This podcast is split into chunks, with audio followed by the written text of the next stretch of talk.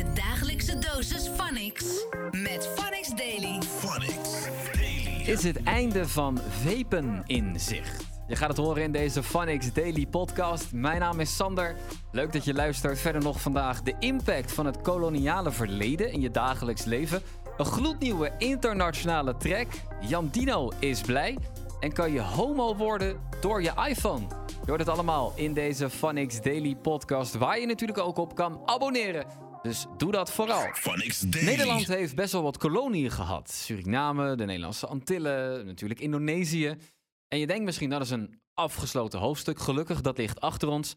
Alleen Amara en Sherina, leerlingen van de open scholengemeenschap Belmer, die twijfelen eraan of dat hoofdstuk echt wel afgesloten is. Ze maakten er een theatervoorstelling over, over welke impact het koloniaal verleden op hun dagelijkse leven heeft, nog steeds.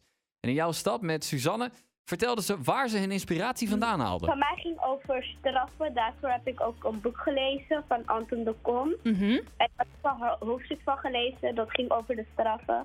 En daar heb ik dus over geschreven ook. En dat staat ook in het toneelstuk. Ja, precies. En Sherena, jij hebt ook dan weer een bepaald onderwerp? Ja, eh, mijn stuk in het toneelstuk ging over ehm, zeg maar de aula en dat er verschil was dus dat er verschil is tussen zeg maar eh, het- de- tussen het kleursverschil zeg maar dat er, dat er zeg maar anders gedaan wordt bijvoorbeeld bij een getinte persoon dan bij een wit persoon zeg maar. Mhm. En waren er ook dingen waarvan jullie gewoon erachter kwamen van... hé, hey, dit wisten we ook nog helemaal niet? Dat jullie zelf ook echt dingen hebben geleerd? Ja, ehm, Ja, ik er bij de boottocht. Toen gingen we langs, van, langs huizen van Jennifer Tosh. Ja, die had toen verteld ehm, bijvoorbeeld over zeg maar, die huizen. En dan Mhm. was er zeg maar één trap of twee trap. En dat staat dus eigenlijk zeg maar, voor hoe rijk een persoon was zeg maar, in die tijd. Mhm. En ook voor zeg maar, diegene, zeg maar, als je op de trap staat, sta je zeg maar, hoger. En dan was de slaaf dus altijd degene die of ging zitten of zo, of op zijn knieën moest. En dan om zo, zo gingen ze dan ook laten zien van, zeg maar, ik ben hoger dan dat jij bent. Ja, en dat zijn dus van die gevels die nog steeds echt bestaan. Ja, ja. Daily. Blijkbaar is het toch niet zo'n gezond alternatief. De elektronische sigaret. Of eh, shisha pen, vaporizer, e-sigaret. Het is een populair alternatief. Hè? Je ziet hem best wel vaak op straat voor die ongezonde normale sigaret.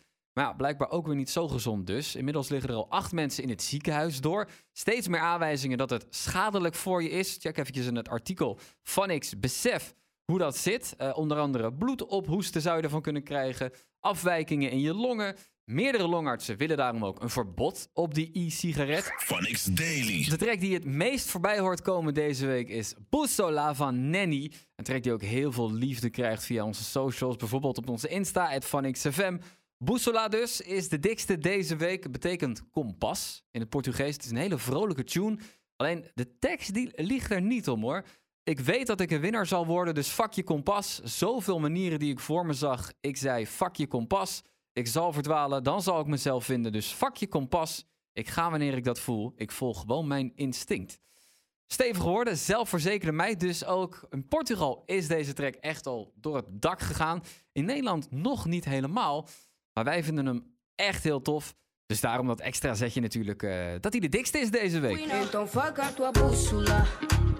De tantos caminhos que eu vi à minha frente Eu disse vaca a tua bússola Eu vou me perder, depois vou me encontrar Então vaca a tua bússola Vou quando sinto, só sigo o instinto Então vaca a tua bússola Então vaca a tua bússola.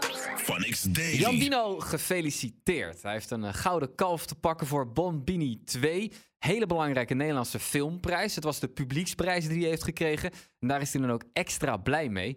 Waarom? Dat vertelde hij in Start met Fernando. En dat was niet het enige dat hij vertelde. Had ook nog een heel leuk nieuwtje voor de Bombini-fans. Nou ja, weet je wat ik vooral ook merk, en eh, zeker na de, de dagen daarna, is eh, iedereen die je dan eh, spreekt, hoe trots iedereen is, is dat het echt een kalf is.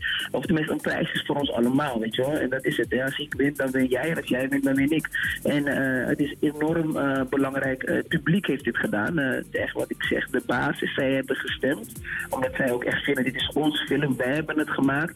Dit is de kalf die op een gegeven moment de jury is gekozen. Die heeft 26.000 eh, bezoekers gehaald. En dat wij dus, om even aan te geven hoe hoe, groot deze film is. En dat heb ik niet gedaan, dat heeft het publiek gedaan. Met één en deel 2. Dus het is, eh, het is een prijs voor ons allemaal. Het werkt sowieso goed dat er op een gegeven moment aangekondigd is dat er een derde deel aan zit te komen. Yes, dat Zo. is wel heel erg tof, ja. Dat is wel tof, ja.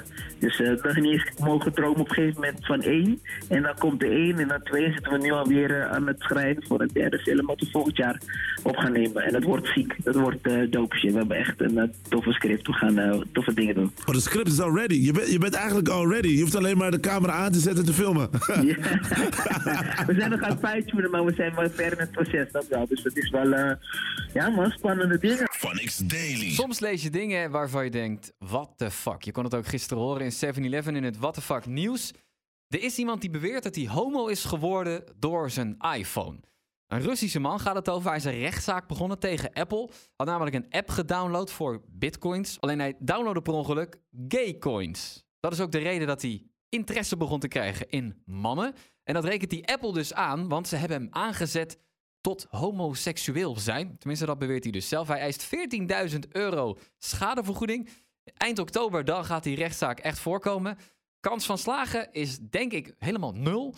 Al is het maar omdat die app helemaal niet van Apple zelf is. Je dagelijkse dosis Phonics. Met Phonics Daily. Phonics Daily. Dit was hem. Morgen dan hoor je me weer in een nieuwe Phonics Daily podcast. Ben je nou geabonneerd? Dan krijg je meteen een melding als die uit is. Ik check je later. Doei doei. Blijf up to date met Phonics Daily. Phonics. The sound of the city.